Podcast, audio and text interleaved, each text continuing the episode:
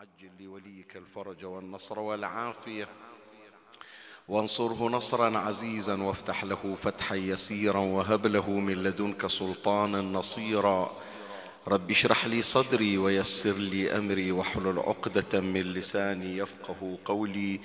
يا كاشف الكرب عن وجه أخيه الحسين اكشف كربي بجاه أخيك الحسين. نادي عليا مظهر العجائب. تجده عونا لك في النوائب. كل هم وغم سينجلي بولايتك يا علي. يا علي يا علي يا أبا الغوث أغثني. يا فارس الحجاز أدركني بلطفك الخفي ولا تهلكني. يا مولاتي يا فاطمة بنت محمد أغيثيني يا سيدتي.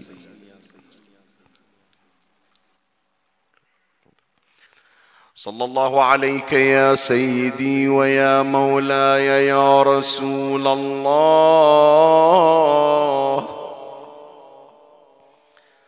صلى الله عليك وعلى آلك الطاهرين.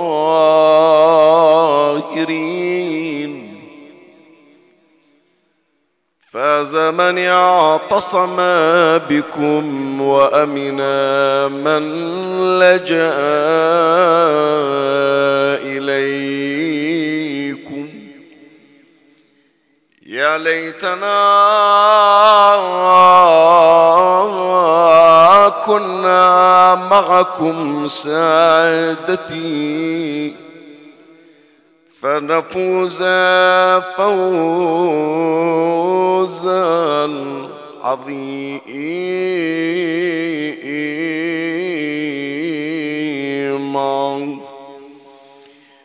قال سيدنا ومولانا رسول الله صلى الله عليه وآله وسلم.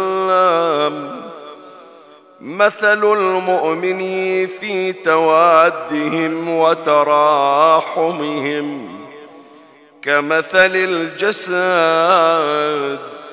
إذا اشتكى بعضه تداعى سائره بالسهر والحمى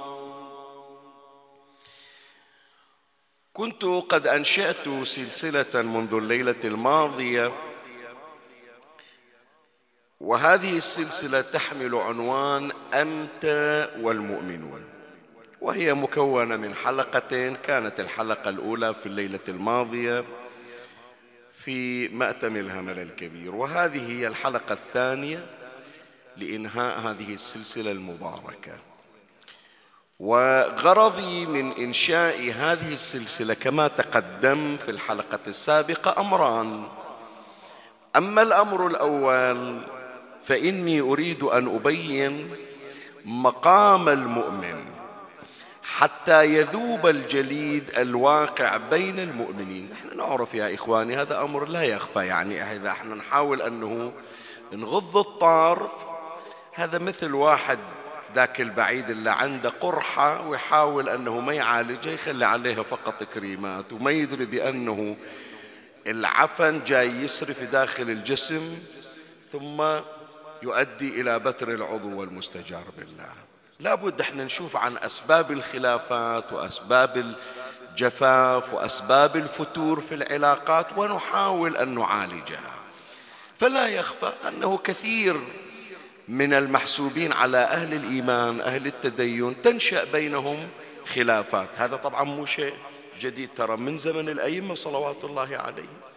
الشيطان ينزغ الشيطان نزغ بين أخوة يوسف. تمام؟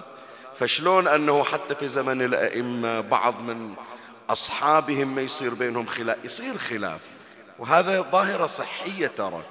أنه مثلا أختلف معك لكن التحضر والرقي كيف أعالج هذا الخلاف؟ كيف أدير الخلاف بصورة إيمانية؟ الله يمتحن بهذه الخلافات يا إخواني يمتحن أنه مثل ما يختلف ذاك الشخص ما يعرفني أنا كرب كإله مثل ما ينحرف أو يختلف معاك ذاك الشخص العاصي المتفرعن أنت أيضا أيها المؤمن تختلف لكن أنت في خلافك تفترق عن ذاك.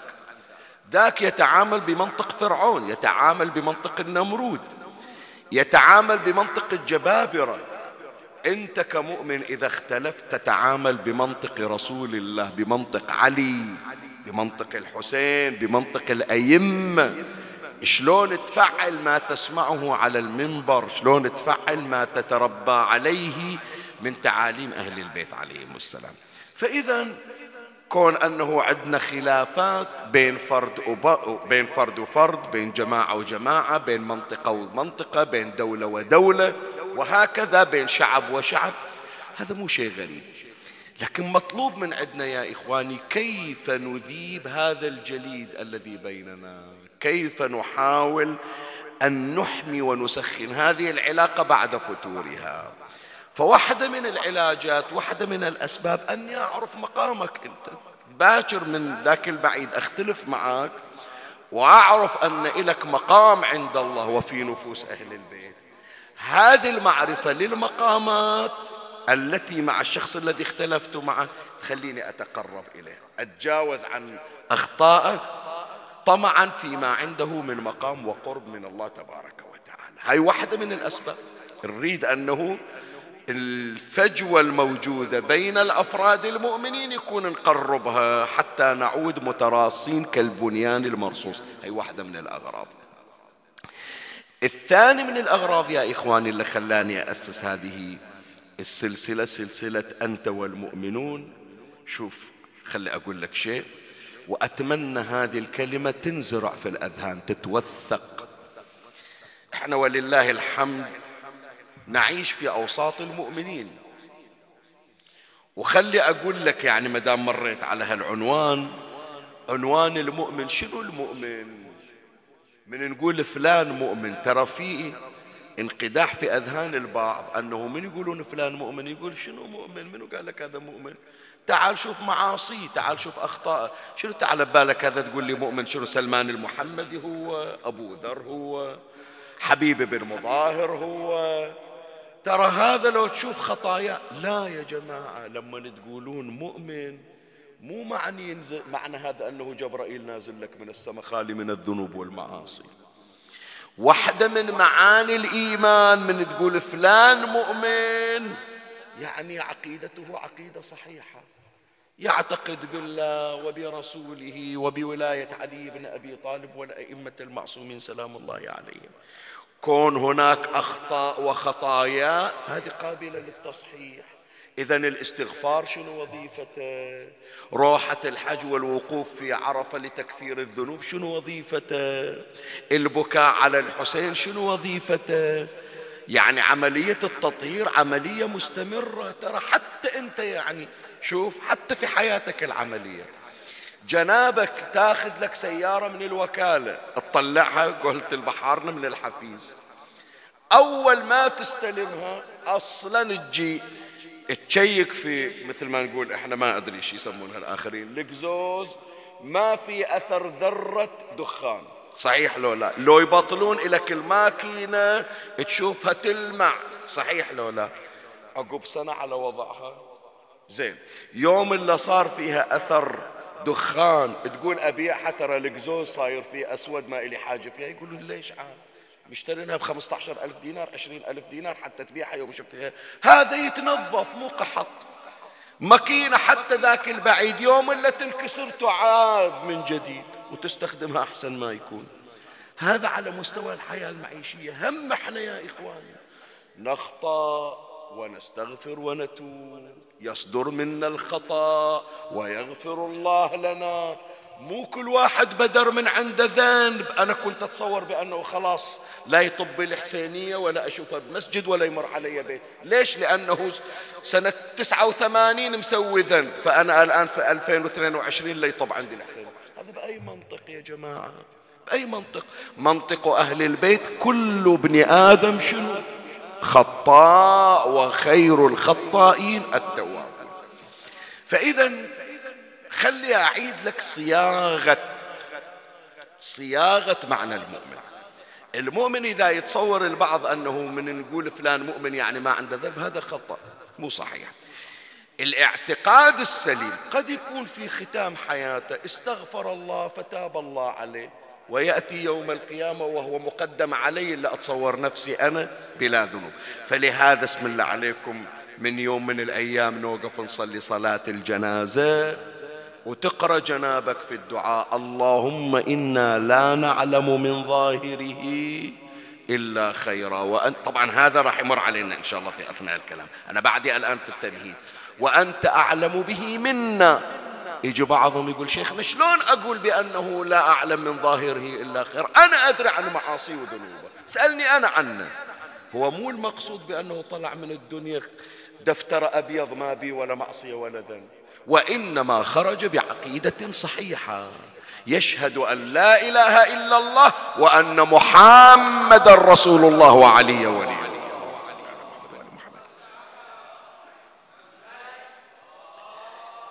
إضافة إلى معاني أخرى إلى المؤمن هم إن شاء الله راح تجي في أثناء البحث. إلا أريد أقوله في الغرض الثاني شنو؟ إذا عرفت بأن هذا الشخص حتى لو عنده خطايا هو مؤمن. تدري وجود هذا المؤمن بين ظهرانيك؟ أنت يلي جارك من المؤمنين أنت يلي ديرتك أنت يلي ديرتك من أهل الإيمان.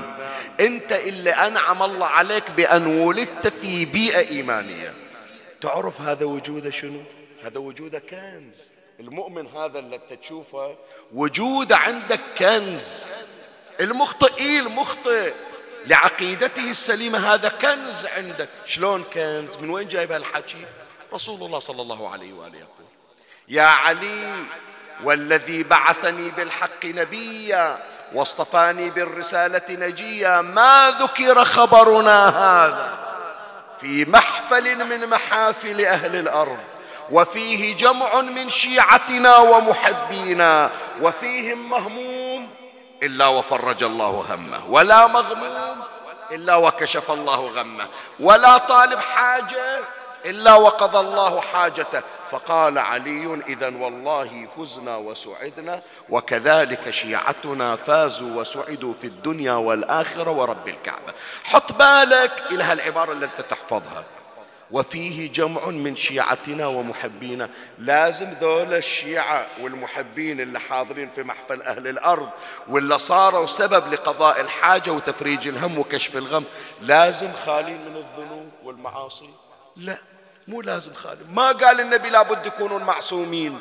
يا الله تحصل أثر حديث الكساء. فقط يجي واحد عقيدته صحيحة في الاعتقاد بالله والاعتقاد بنبوة النبي وولاية أهل البيت هذا سبب وجوده إلى خير يعود عليك.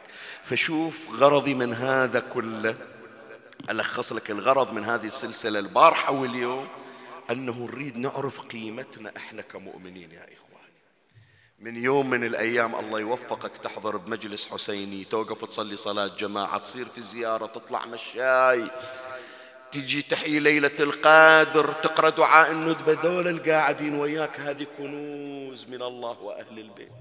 تستفيد من أنوارهم ومن بركاتهم. وقد تقدم الكلام في الليلة الماضية عن منافع المؤمنين على بعضهم البعض. كل واحد ينفع الثاني كل واحد إلى أثر على الثاني. البارحة تكلمنا كيف ينفعك المؤمن في دار الدنيا؟ شلون تستفيد من المؤمن في دار الدنيا؟ شلون يجيب لك المنفعة والفوائد؟ وتحدثنا في الليلة الماضية وذكرنا ثلاثة من المنافع. الليلة نتحدث كيف أن المؤمن ينفعك في دار الآخرة. إيش أستفيد من هذا المؤمن اللي مقاطع عنه وما أسولف وياه؟ شلون ينفعني أنا اللي أتصور ما إلي حاجة فيه؟ إلا البعض ما أدري إن شاء الله ما سامعين لكن البعض هذا الشكل يتصور نفسه. من الله يعطيه كم فلس أو يعطيه منصب ويشوف نفسه أنه مكتفي بصحته بعافيته بأمواله. بعلاقاته يقول ما محتاج حتى إذا مت ما أبغى أحد يمشي ورا جنازتي ولا أبغى حتى أحد يطب فاتحتي. أنا في غنى عنه. لا عمي ما أنت في غنى. أهل البيت يقولون أنت ما أنت في غنى. بعد أنت عندك مشكلة ويا أهل البيت ما تقبل منهم بكيفك. بس أهل البيت يقول لك هذا الشخص اللي ما تريد تشوفه في الدنيا ولا ما تعرف ما تعتبره راس مال مو فايدة ما تعتبره راس مال. ترى هذا هو راس مالك. في الآخرة. حتى اللي يقول لا اللي يفيدني عملي لا مو بس عملك واحدة من المنافع عملك. لكن اللي أكثر من عملك تدري شنو؟ عمي شنو إحنا قحط سؤال أسأل. إحنا كم نعيش في الدنيا؟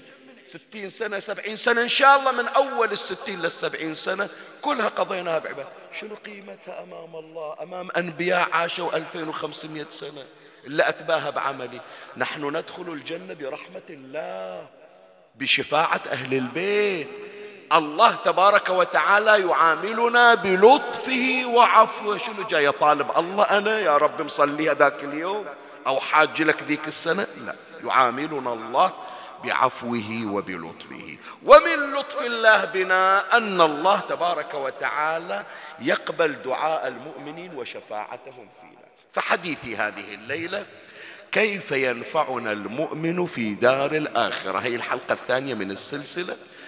أستعرضها إن شاء الله وأذكر ست من المنافع. ومن الله أستمد العون والتوفيق ومن مولاي أبي الفضل العباس المدد وألتمس منكم الدعاء وثلاثا بأعلى الأصوات. صلوا على محمد وآل محمد.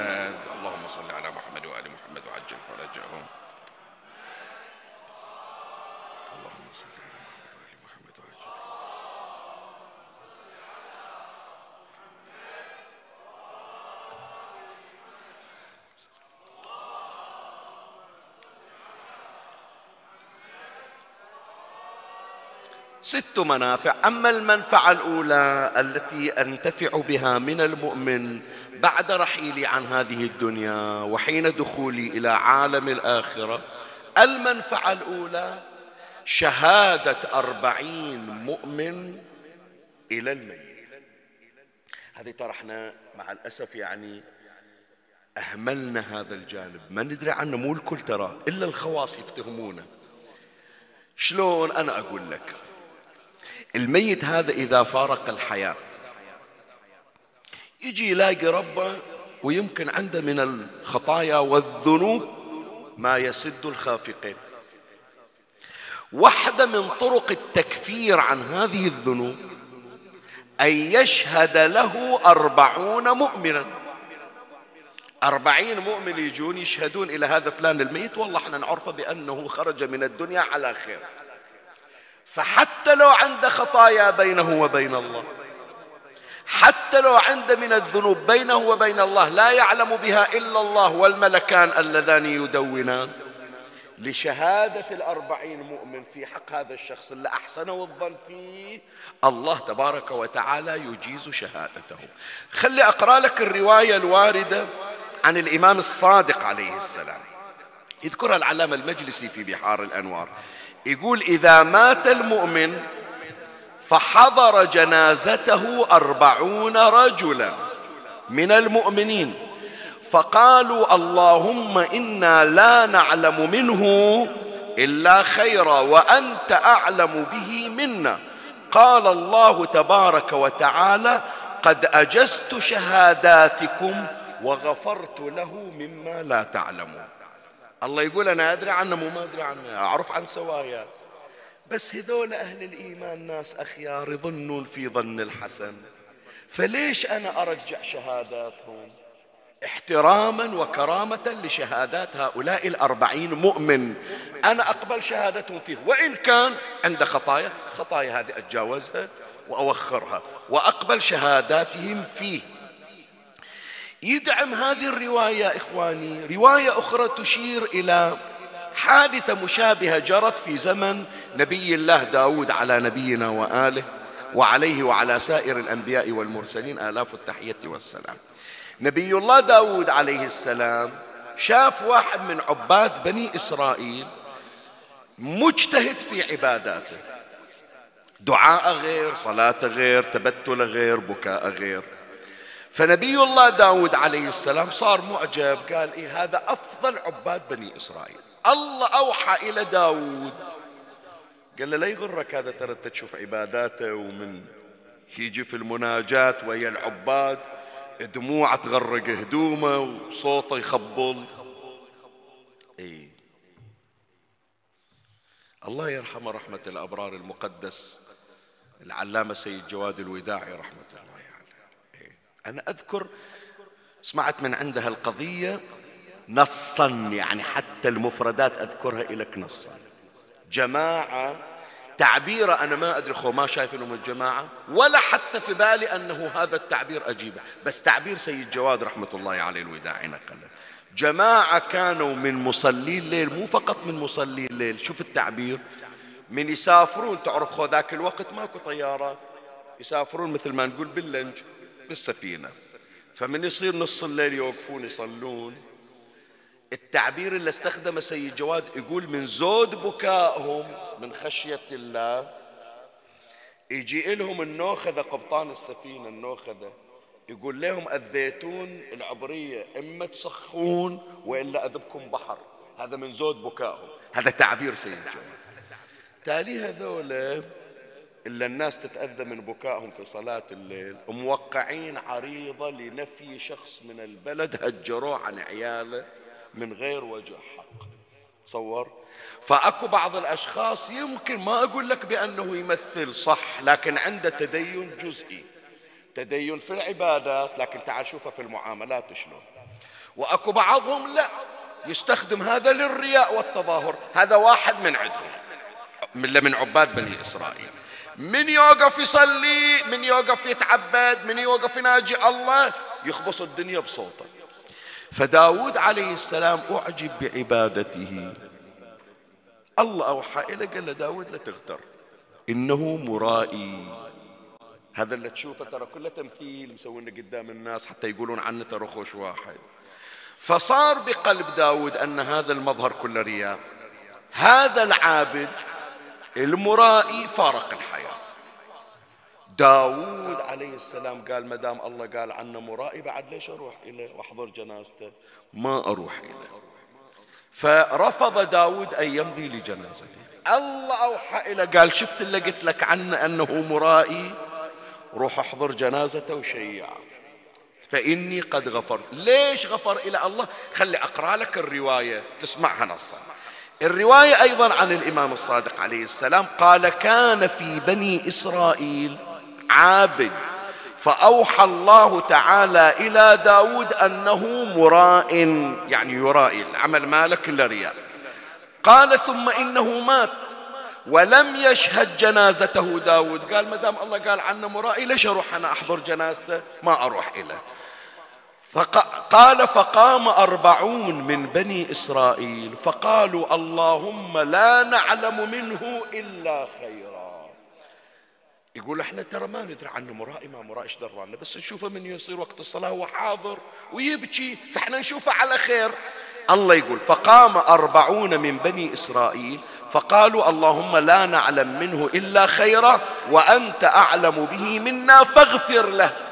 فأوحى الله تعالى إلى داود عليه السلام ما منعك أن تصلي عليه؟ ليش ما رحت تصلي عليه؟ قال لي يا ربي مو أنت قلت إلي بأنه مرائي فقال قال الذي أخبرتني عنه. قال فأوحى الله إليه إنه قد شهد له قوم فأجزت شهاداتهم. صح أدري عنه مرائي لكن ذولا كم واحد من المؤمنين الأخيار ظنوا في ظن الحسن هالظن الحسن أنا قبلته. من عندهم مو هو بس أنا أمضيت شهاداتهم وغفرت له ما عندهم. شوية قبل لا أتجاوز هذه النقطة يا إخواني المنفعة الأولى إشارتين عندي سريعا أمر أما الإشارة الأولى شوف إحنا عندنا مناسبات الدنيا. مناسبات الدنيا حريصين أنه نوجه دعوات مو صحيح؟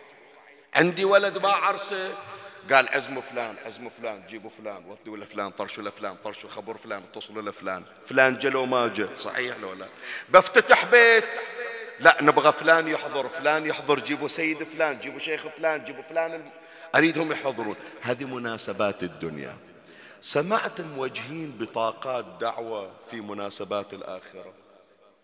مر عليك هذا الكلام؟ شايف يوم من الأيام جنازة بدفنونها قاموا يتصلون فلان ترى عندنا جنازة أنت من أهل الإيمان حياك تفضل عندنا. ما نهتم. في العم الأغلب ما نهتم إلا بيجي يجي إلا ما يجي لا. نعم يطرشون مسج عام بس ما عندنا حرص على الدعوات مثل حرصنا على دعوات دار الدنيا. مع العلم يا إخواني ترى هذه الفائدة العظمى لأن وجود أربعين مؤمن هذول من يشهدون إلى هذا الميت هذه الدعوة راح تفيده في قبره. وأنا أذكر يا جماعة سنة ما أدري سبعة وتسعين أتصور. أتصور سنة ألف وتسعمائة وسبعة وتسعين.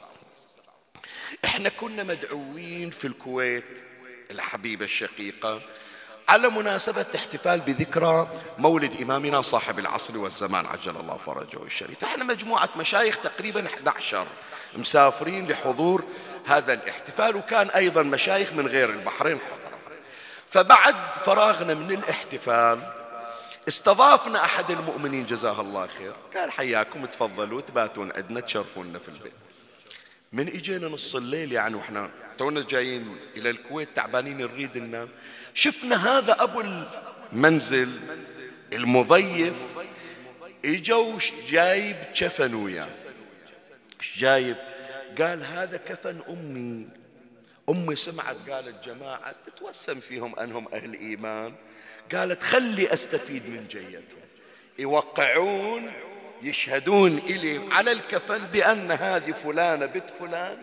على خير.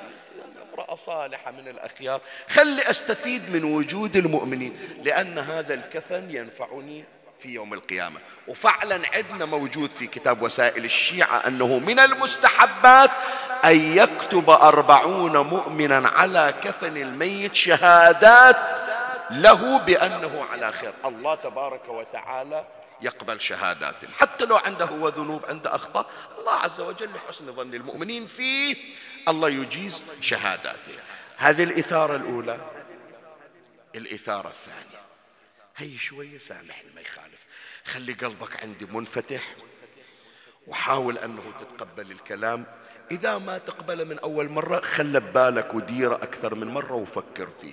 وفرغ لي قلبك واعرني سمعك وأقبل علي بكلك وصل على محمد وآل محمد.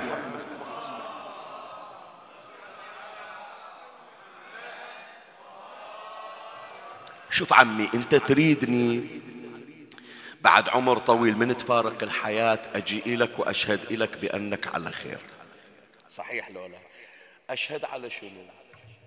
غير لابد أن تكون بمظهر حسن أمامي حتى أوقف وأدافع وياك وهذه كلمة يعني حساسة ترى أنا يمكن ما أثرتها قبل هذه المرة بس أرى من الضرورة بمكان أنه أثيرها.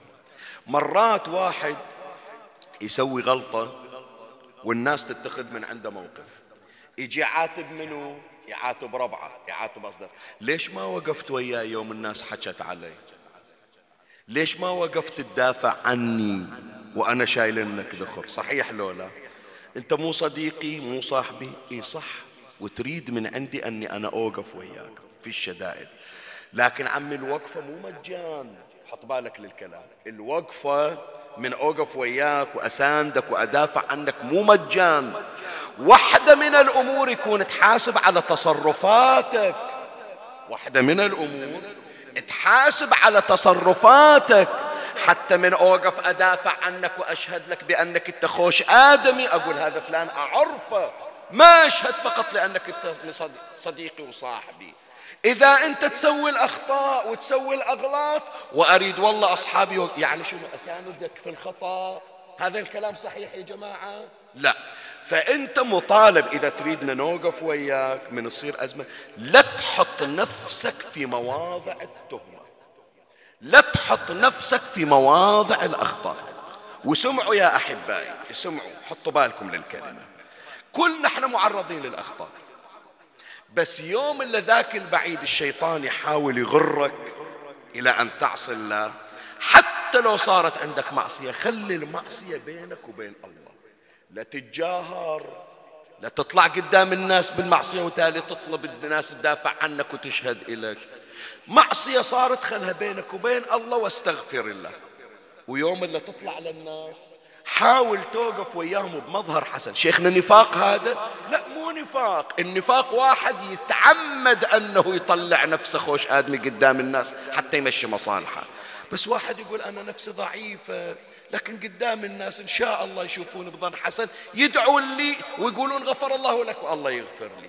هذا المقدار مطلوب أن تختفي وتستتر بالمعصية ولا تتجاهر بها عند الناس لأنه إذا ظهرت بمظهر العاصي المذنب قدام الناس باكر الناس ما تشهد إليك.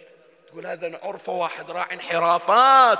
حتى لو عقيدته صحيحة شلون أنا نفسي ما تطاوعني أنه أنا أشهد إلى في شيء؟ فلهذا قال أمير المؤمنين سلام الله عليه بحار الأنوار في الجزء 72 صفحة 91 قال من عرض نفسه للتهمة فلا يلومن من أساء الظن هذا أنت من تحترم نفسك. شلون تريدني أنا أحترمك؟ فإذا المنفعة الأولى يا إخواني التي يكسبها المؤمن يكسبها الإنسان من وجود المؤمنين أنهم إذا شهد له أربعون في وقت موته بأنه على خير أجاز الله شهادته وغفر له ذنوبه.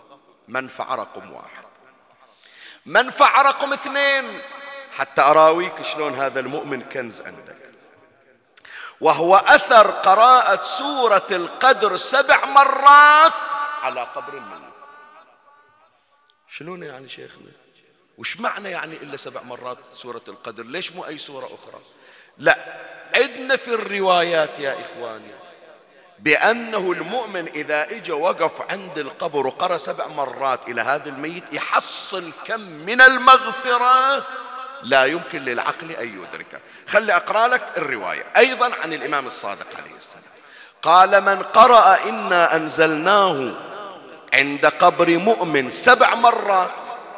رايح جنابك أنت حاضر تشيع تشييع ميت من الأموات. خلصوا من الصلاة دفنوه إجيت قعدت عند القبر حطيت إيدك على القبر قريت سبع مرات. إنا أنزلناه في ليلة القدر. إيش حصل؟ اسمع. بعث الله إليه ملكا. يعبد الله عند قبره ويكتب ويكتب للميت ثواب ما يعمل ذلك الملك. من قرأوا على قبره سبع مرات إنا أنزلنا في ليلة القدر. الله خلق ملك ما إلى شغل بالسماوات. شغله بس عند هذا القبر الميت اللي قرأوا عليه سبع مرات إن أنزلناه في ليلة القدر. يعبد الله يسبح يصلي وكل ثواب العبادة يروح إلى منه إلى صاحب القبر اللي قرأوا عليه سبع مرات إنا أنزلناه في ليلة القدر. قال الإمام سلام الله عليه ويك ويكتب للميت ثواب ما يعمل ما يعمل ذلك الملك فإذا بعثه الله من قبره لم يمر على هول إلا صرفه الله عنه بذلك الملك حتى يدخله الله به الجنة. زين ويا سبع مرات إنا أنزلنا في ليلة القدر شنو بعد؟ قال ويقرأ مع إنا أنزلناه سورة الحمد والمعوذتين وقل هو الله أحد وآية الكرسي ثلاث مرات كل سورة وإنا أنزلناه سبع مرات. شوف شلون الله تبارك وتعالى يخلي إلنا باب للرحمة. هي سبع مرات. حصلها هذا مشتغل على نفسه ما حصلها الكم من المغفرة. حصلها بواحد من المؤمنين. اجى قعد عند قبره وقرا له سبع مرات إنا أنزلنا في ليلة القدر. قبل لا أتجاوز هي المنفعة الثانية. شوية توصية يعني. إخواني هذه المقابر اللي موجودة عندنا. ترى هذه روضات هذه روضات تحتاج إلى أدب وتحتاج إلى سلوك حسن. أنت من تحضر إلى مقبرة ترى هذه مواضع الملائكة تسبح الله فيها. اي نعم. هي المقبرة اللي تشوفها مقبرة. ليش يقولون روضة فلان روضة الشهيد فلان؟ الروضة شنو؟ قطعة من الجنة. زين هي مقبرة. سواها روضة. من تنزل الملائكة تستغفر محل استغفار الملائكة. فلهذا يا إخواني المفترض في هذه المقابر إحنا يمكن ما أدري يعني يمكن وضعنا إحنا البحرين يختلفوا خصوصا هذا الشارع. شوف من أول ما نبدي من البديع إلى أن نوصل للحورة. ماكو منطقة من هالمناطق بديع بني جمرة دراس باربار سار مقابة جنوسان كذا أبو صيبع كرانة إلى أن توصل إلى الحورة. كل منطقة فيها مقبرة. هذه كل مقبرة المفترض فيها روضة من رياض الجنة. فيها ملائكة تستغفر الله وتسبح الله. فإذا المفروض قلب واحد ضايق خلقه يرتاح وين؟ يرتاح في هذه الروضات خلي أسولف لك عن شغلة حتى نطلع من الجو الروتيني للمجلس. اللي رايح إلى الجمهورية الإسلامية وجاي إلى منطقة أصفهان. أتصور كثيرين يعني راحوا من راحوا زاروا الإمام الرضا عليه السلام هم راحوا إلى أصفهان. زين من يروحون إلى أصفهان هناك أماكن سياحية. أما ميدان إمام خميني أو مسجد جانبان أو غيره أكو هناك مقبرة ما أدري سامعين عنها لو لا. إن شاء الله إذا رحتوا مرة أخرى هناك تروحون تشوفونها. المقبرة هذه يسمونها مقبرة بابا ركن الدين الشيرازي. بابا ركن الدين الشيرازي. هذه قبل كم مئة سنة ولي من الأولياء إجا سكن في هالمكان اختار هالمكان والمكان ما مسكون وما مبني. وقال دفنوني فيه. وهو ولي من الأولياء إن شاء الله أوفق في بعض المجالس لذكر قضايا. شوف سبحان الله هل ولي اندفن بروحه.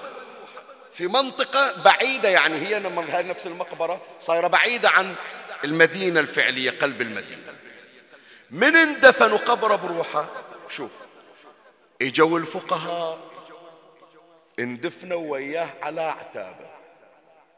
الفقهاء نفسهم بدل ما يقول ودوني قم دفنوني أو ودوني مشهد قال ودوني عنده وخلوني على أعتابه. مراجع فقهاء. بعد الخطباء قالوا ادفنونا في ذيك المقبره بعد ما شافوا وإذا دكاترة أكو هناك من يدخلون المقبرة قسم مقبرة العلماء قسم مقبرة الخطباء قسم مقبرة الموظفين دكاترة مدرسين مؤلفين شعراء حتى موسيقيين. زين هذا إيش جابه يعني؟ هو موسيقي عازف إما مغني أو عازف مثلا. بس من يموت يشوفون بالوصية دفنوني في ذيك المقبرة مخلين إلى قسم والغريب في هالمقبرة يا إخواني أنا إيش قد أقول لك أنا رايح إلى مقابر بما فيها مقبرة الغريب. لكن إذا رحتوا هم تجربون وتشوفون. هي المقبرة أمرها مختلف. مسوين بيها متنزه. منتزه صاير في نفس المقبرة. كل واحد حس بضيق حس بتعب. شايف نفسه منقبضة. يريد شيء من الانشراح يروحون إلى هذه المقبرة. من يدخلون؟ ما يشوفون. وإذا قلوبهم منجذبة إلى الله يذكرون الله ويستغفرون الله. حتى المنتزه يا إخواني داير مدار السور كاتبين عليه أذكار تذكر الله بالآخرة. الناس تروح تقعد تتجرد من حب الدنيا والملذات.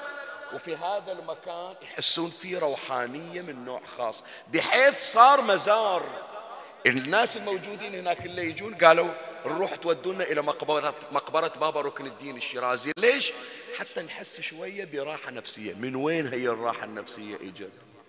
من حضور الملائكة واستغفار الملائكة للأرواح الطاهرة المؤمنة فيا إخواني اللي أريد أقوله إذا أنت شفت هذه المقبرة عندك ترى فيها ناس أخيار خلص ناس طاهرين مو إلا يكون عالم مرة عالم يكون. يعني هذا الآن عندكم المقبرة شيخ أحمد الصيبعي هذا الموجود عندكم؟ ترى هذا ولي من أولياء البحرين تدري لولا من أهل العرفان في البحرين من يقولون شيخ عزيز النبي صالح صاحب الرمانة فلان فلان. واحد منهم شيخ أحمد الصيبعي ومجرب في الحوائج. وأهل الولاية هذا المكان من تحضره في المقبرة.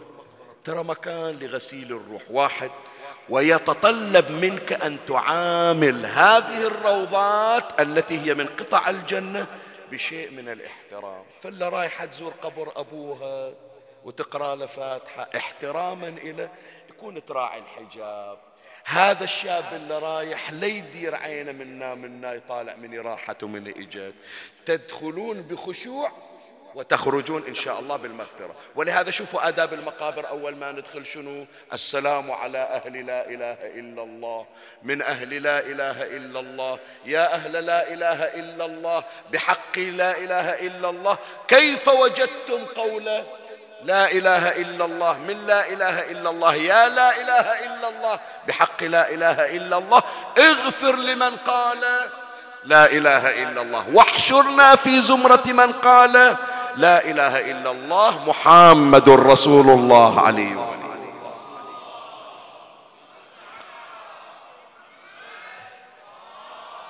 وحتى نتجاوز هذا الأمر التوصية يا إخواني يكون روحة يوم الخميس إلى المقابر روحة من أجل التطهير تطهير الذات مو من أجل تلويث القلب بالمعاصي والذنوب. هي المنفعة الثانية. المنفعة الثالثة عرفنا أن المؤمن يفيدنا من يشهد للميت. عرفنا أن المؤمن يفيد الميت من يقرأ له سبع مرات إنا أنزلناه في ليلة القدر. بعد فائدة المؤمن في العالم الأخروي شنو؟ المؤمن هذا ترى هو اللي يستقبلك إذا طلعت من الدنيا بعد عمر طويل. اسم الله عليك. الآن أنت ما أقول أنت خلي أعبر أعدل العبارة. هذا الإنسان إلا معول على زوجته على عياله على أهله. جابوا للمقبرة كل اللي سووه نزلوه بالقبر. يلا أبويا في أمان الله. سامحنا وبر الذمة مو الشكل سامحني يا أبوي. سامحني وبر ذمتي. وتالي رجع البيت ونام منو اللي راح يستقبل روحه؟ أنا أقول لك. أرواح المؤمنين عندها وظيفة في العالم البرزخي تستقبل كل روح وافدة إليهم. شوف الحديث. الليلة الحمد لله رب العالمين بركات الإمام الصادق. كل هالروايات عن الإمام سلام الله عليه. يعني. قال إن الأرواح في صفة الأجساد في شجرة في الجنة تعارف وتسائل. يعني كل روح جاية يطلعون يقولون سلام عليكم من وين أنت؟ من أي بلد؟ تونا شايفينك. شلون وضعك؟ إن شاء الله ما تعبت. شوف شلون. وظيفة استقبال وتشريفات. تعارف وتسائل. فإذا قدمت الروح على الأرواح تقول دعوها فإنها قد أفلتت من هول عظيم. خلوها ترتاح. أول تالي نجي نزور عليهم. شايفوا حتى هو جاي من السفر يقول أول ريح تالي من مر عليك؟ هالشكل أرواح المؤمنين. دعوها فإنها قد أفلتت من هول عظيم. ثم يسألونها يجون مرة ثانية يزورونها أرواح المؤمنين. ثم يسألونها ما فعل فلان؟ وما فعل فلان؟ أهلنا شلونهم؟ جيراننا شلونهم؟ فإن قالت لهم تركته حيا فلان تراكم موجود في دار الدنيا أنا من طلعت شفته. فإن فإن قالت لهم تركته حيا ارتجوا قالوا إن شاء الله ينهي الدنيا بسلامه ويجينا ونستقبله مثل ما وإن قالت لهم قد هلك؟ قالوا قد هوى هوى ما جابوا عندنا أثاري بعد محبوس في قبره. فإذا يا إخواني من منافع المؤمنين؟ أنهم هم الذين يستقبلونك هم الذين يقومون بعملية التشريف. وهذه رسالة يا إخواني المتقاطعون في الدنيا متواصلون في الآخرة. إلا فلان لا أشوفه ولا يشوفني. ترى هذه في الأخير راح نلتقي هناك. وحطوا بالكم يعني هذه هم إلى أهل هذا المجلس المبارك. جزاهم الله خير الجزاء. وأنا إنصافا يعني أتقدم لهم بالشكر وإلى كل من سار على هذا المنوال. الآن إحنا من عادتنا أنه من نخلص المجلس نفس هذا الحضور نفس هذا الجمع ينتقل إلى الديوانية هناك حتى تكون هناك زيارة مؤمنين وتصافي وتحاب.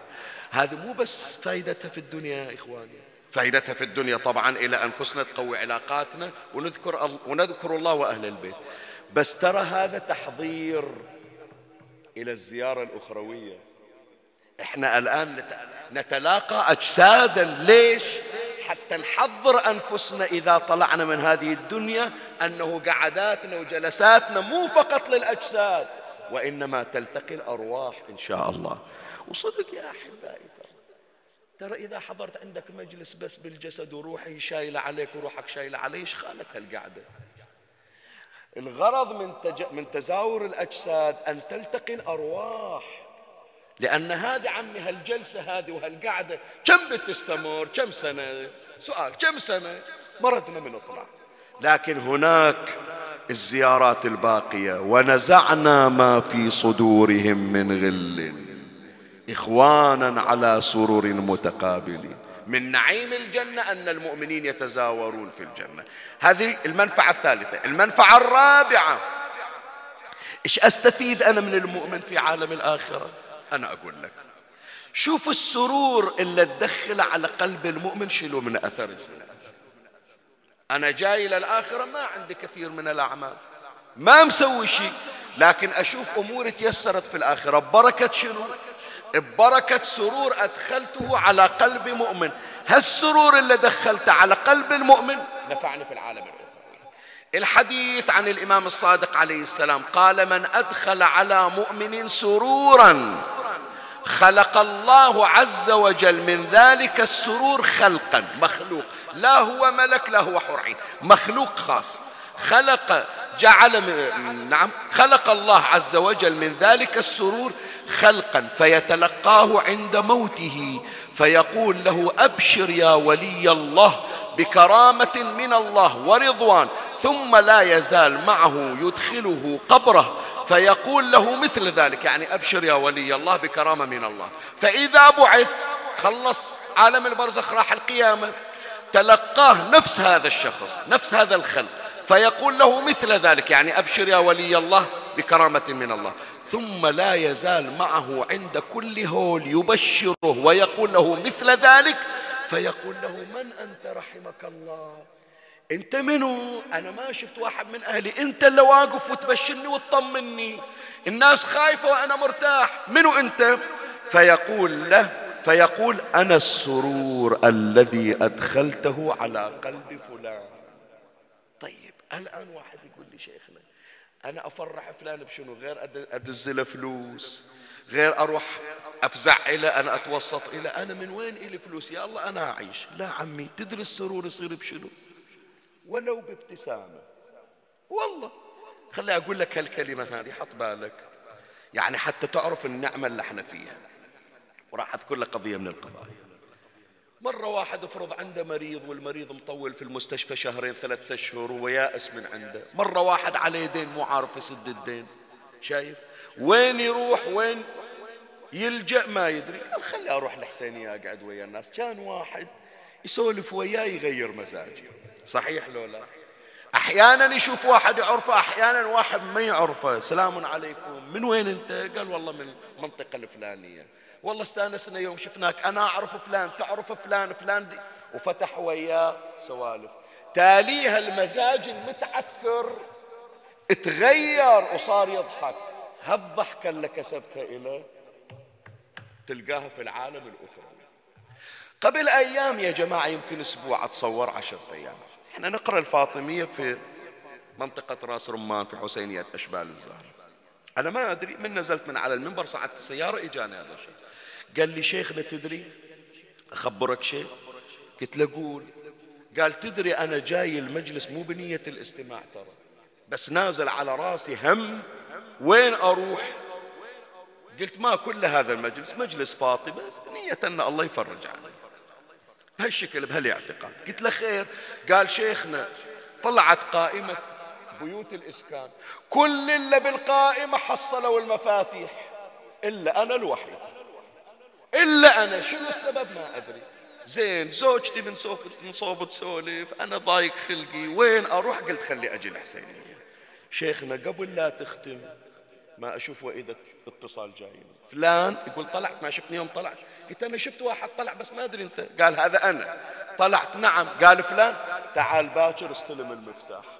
فقضيت الحاجة في القعدة. شوف عمي جلسة تتبسم فيها في وجه أخيك يفرح قلبك تحصل أثرها. فلهذا يقول الإمام سلام الله عليه الإمام الباقر تبسم الرجل في وجه أخيه حسنة وصرفه القذى عنه يبكي طيبت خاطره وصرفه القذى عنه حسنه اسمع هذه حطها في بالك.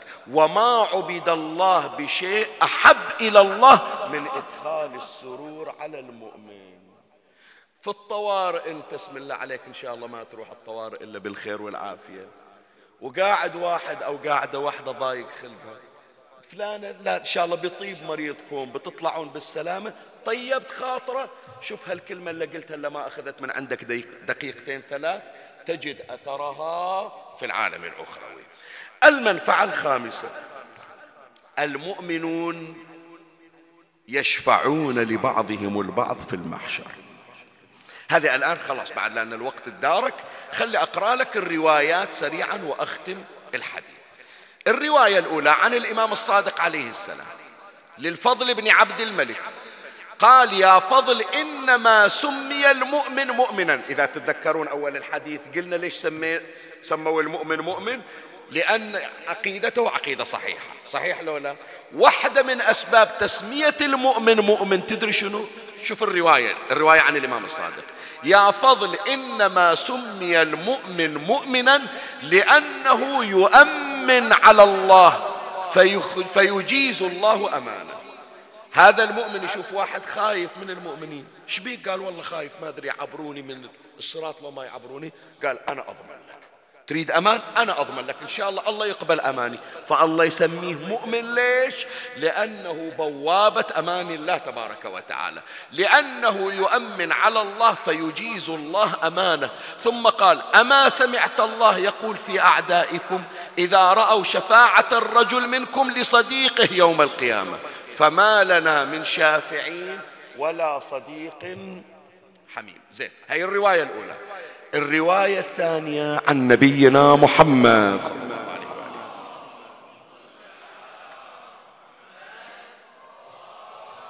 هذه إذا لذول الأشخاص لمن يشوف له واحد فقير يحتقره أو يعامله كأنه من المهمشين. شوف النبي صلى الله عليه وآله ماذا يقول؟ يقول لا تستخفوا بفقراء شيعة علي. لا تشوفه فقير أو ما متعلم تقول هذا ما إلى قيمة. لا تستخفوا بفقراء شيعة علي وعترته من بعده. فإن الرجل منهم ليشفع في مثل ربيعة ومضر. اسمع شوف من أغرب ما قال النبي. فيشفعه الله فيهم لكرامته على الله عز وجل. يقول الإمام الباقر عليه السلام وإن المؤمن ليشفع في جاره العفو وإن المؤمن ليشفع لجاره وما له حسنة. فيقول يا رب جاري كان يكف عني الأذى. هذا المؤمن عبر خلاص راح يدخل الجنة. وشوف واحد من جيرانه موقف. ليش؟ قال والله ما عندي أعمال موقفيني حاسبوني فهذا المؤمن يشير راسه يا ربي هذا جاري ترى خمسين سنة. ما شفنا منه إلا كل خير ما عنده أعمال. خليه يعبر. شلون جاري في الدنيا؟ أخليه في الآخرة. شوف الإمام سلام الله عليه. وإن المؤمن ليشفع لجاره وما له حسنة يعني الجار ما عنده حسنة. فيقول يا رب جاري كان يكف عني الأذى فيشفع فيه. فيقول الله تبارك وتعالى أنا ربك وأنا أحق من كافي عنك. أنت مو أحن من عندي وأنا الحنان ولا أنت أكثر رحمة من عندي وأنا أرحم الراحمين. فيقول الله عز وجل أنا وأنا أحق من كافي عنك.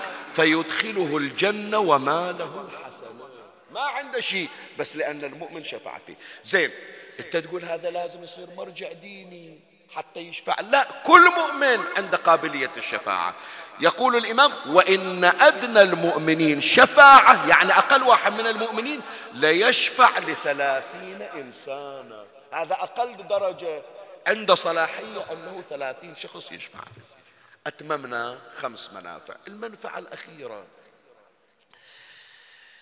خلي أوديكم اللي راحوا يعني الحج والعمرة.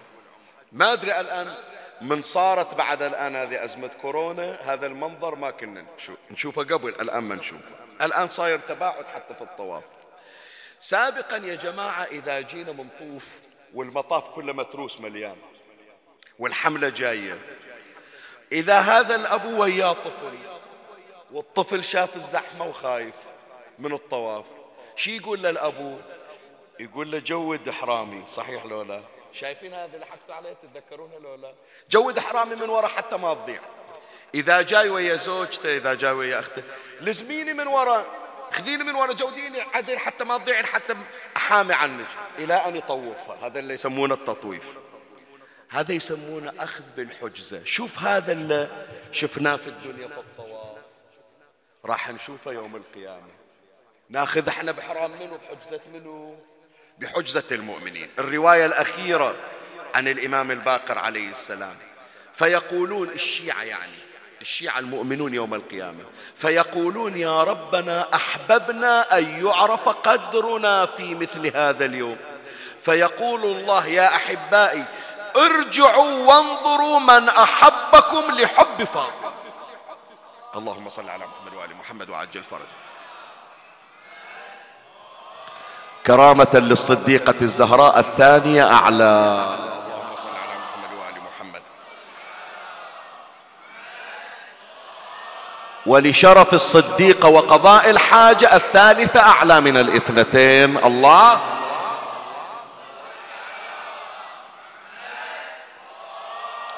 فيقول الله يا أحبائي ارجعوا وانظروا من أحبكم لحب فاطمة إلى أن يقول خذوا بيده وأدخلوه الجنة. هذول محبين الزهراء ويحبون شيعة الزهراء ما عندهم أعمال فذول المؤمنين قالوا تعالوا تعلقوا بينا إحنا نعبر وندخل الجنة وأنتم ماسكيننا. زين الشيعة ياخذون بحجزتهم. هو المؤمن ياخذ بحجزة منه في الرواية فيأخذون بحجزة فاطمة.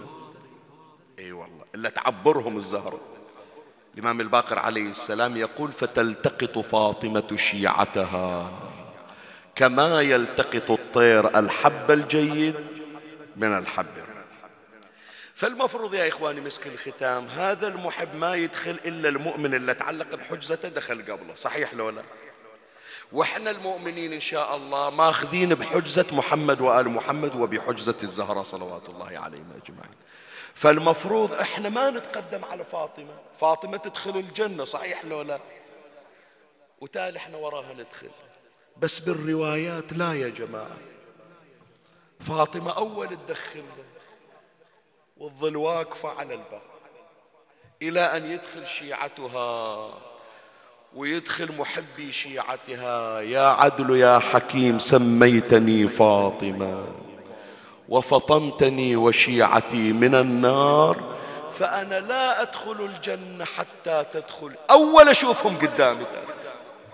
مثل الأم الحنون اللي ما تاكل إلا أول اولادها ياكل وما تنام إلا أول اولادها ينامون فاطمة هي الأم الحنون. زين ليش الزهرة ما تسبقنا وتدخل؟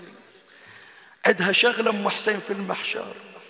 خايفة على قلوب الشيعة من يشوفون. لا تقول ما أريدهم يشوفون. هذول أدرى عنهم قلوبهم رقيقة شايفتنهم بالدنيا. يسمعون مصيبة ولدي الحسين. يوقعون على الأرض مغشي عليهم. هم ما شافوا ولدي من ذبح. سمعوا مصرع الحسين. يوم العاشر هذا وقع مغمى عليه طلعوه هذا شلون يشوف الحسين قدام عينه؟ شي يصير؟ بي أنا جايبتنا إلى الجنة حتى يتنعم ويرتاح له حتى أجرح قلبه فخلي يطبون إلى الجنة. إذا دخل شيعتها ومحبوها رفعت فاطمة رأسها. يا عدل يا حكيم احكم بيني وبين من قتل أولادي. لا أدخل الجنة حتى أرى ما صنع بولدي الحسين. ويلي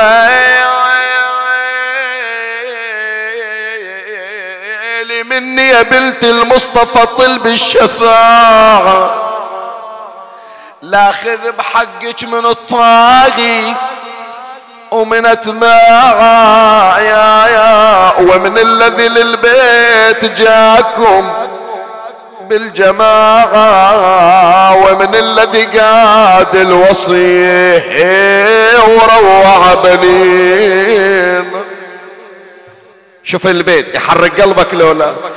ومن الذي بالباب منك كسر ضلع واللي طبع شفه على الخد وعلى العين. بشري يا بنت المصطفى يا محسن وحسين هاليوم وعدك طام وجعد اللعين. فاطمة هاليوم زهر الوفا واقبل الميعاد. أنا لاخذ بحقك من بني أمية وبني زيايات ومن الذي في كربلاء ذبح لك أولاد. وهذا العزيز إن كان قصدك تنظرين. تريدين تشوفين الحسين فاطمة؟ فيمثل الله حسينا لفاطمة في المحشر وهو جث بالأعراس فتصرخ فاطمة وتصرخ الملائكة لصرختها ويلي وتنظر المحشر والدمع يجري من العين. وتشوف ابنها حسين من حال النبيين. الخلق واقف بلا راس وبلا يدين وتصيح وش هالفعيل بابن فاعلي. سؤال أسأل حتى أكمل لك الأبيات. إنتوا رايحين كربلاء. قبر علي الأكبر وين صاير؟ عند الرجلين. قبر أبو فاضل بروحه قبور الهاشمين والأنصار بروحهم يا جماعة قبر الرضيع وين صاير؟ على صدر أبوه. ليش على صدر أبوه يا جماعة؟ حتى يأتي حسين يوم القيامة ورضيعه على صدر. وتنظر فاطمة إلى ولدها بلا راس وإلى الرضيع والسهم في نحر. حتى جنينك ذاب حين يا جنين. يا نور عين المصطفى ويا نور.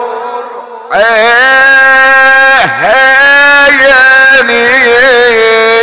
إيش هالعداوة بين هالأمة؟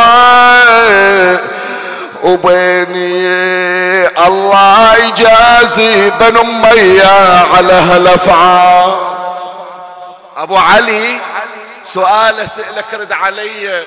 يما آمر اشتردين هذا الرضيع جايبنا وهذا أنا جاينك قالت يا حسين قل لي وين أبو فاضل بشوفه. قالها على المسنات مقطوعة. جفوفه قطعة ويمينة مع شمالها للكوفة. مرمي على المسنات لا يمنى ولا شمال. أبو فاضل بألف عافية عليك. عوضك الله عن الكفين المقطوعين بجناحين أخضرين. تطير بهما مع الملائكة. لكن تدري اللي فرحان بالجنة بالجناحين الأخضرين؟ أخبرك إيش صار من عقب ما طحت على التراب؟ يا النايم على العال قومي زينب سبوه. ترضى على أختك من عقب عينك سبوه. تقبل يا أخوها تنسبي وانت أخوها. تقبل يا ابو فاضل ترى بصوت اضربه ضاعت أختك يا ابو فاضل يا الغيور. ولا عين أنا الما وقف مهرة. ولا عين ولا عين عتابك ذوب ضلوعي ولا عين هاي السنة خلصت. خلنا نفتتح السنة الجديدة بونا على باب الحوائج. كل المجلس خلي يصيح ولا عين. يا زهرة أنا لا يسرى ولا يبنى. ولا عين ولا عين. يا زهرة خفي عتابك علي يا زهرة خفي عتابك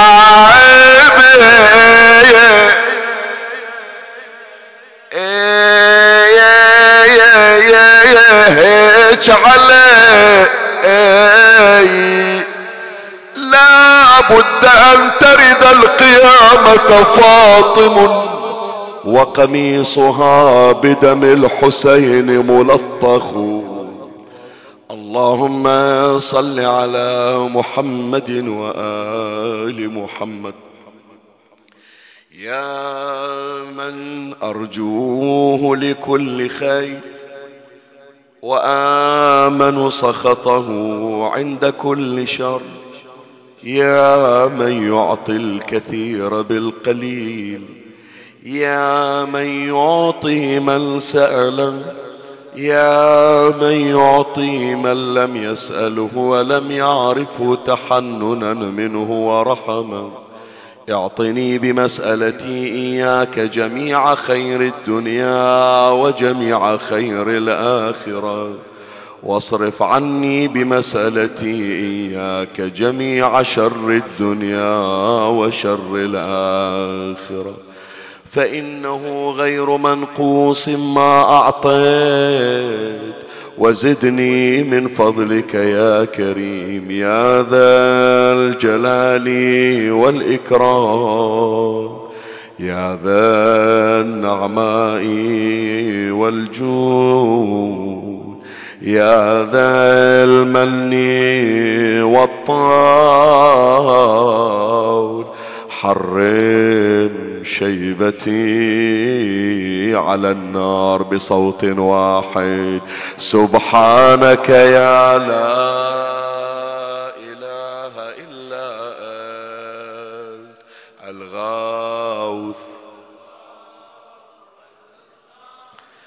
خلصنا وخلص آباءنا وأمهاتنا وجميع من له حق علينا وجميع شيعة علي ومحبي فاطمة من نار جهنم. عجل اللهم فرج إمامنا صاحب العصر والزمان. شرفنا برؤيته وارزقنا شرف خدمته. وارض اللهم قلبه عنا واقض حوائجنا بحقه عليك. ترحم على أمواتي وأموات الباذلين والسامعين والمؤمنين سيما من لا يذكره ذاكر يا رب العالمين. أوصل لهم جميعا ثواب هذا المجلس الشريف وبلغهم ثواب الفاتحة مع الصلوات.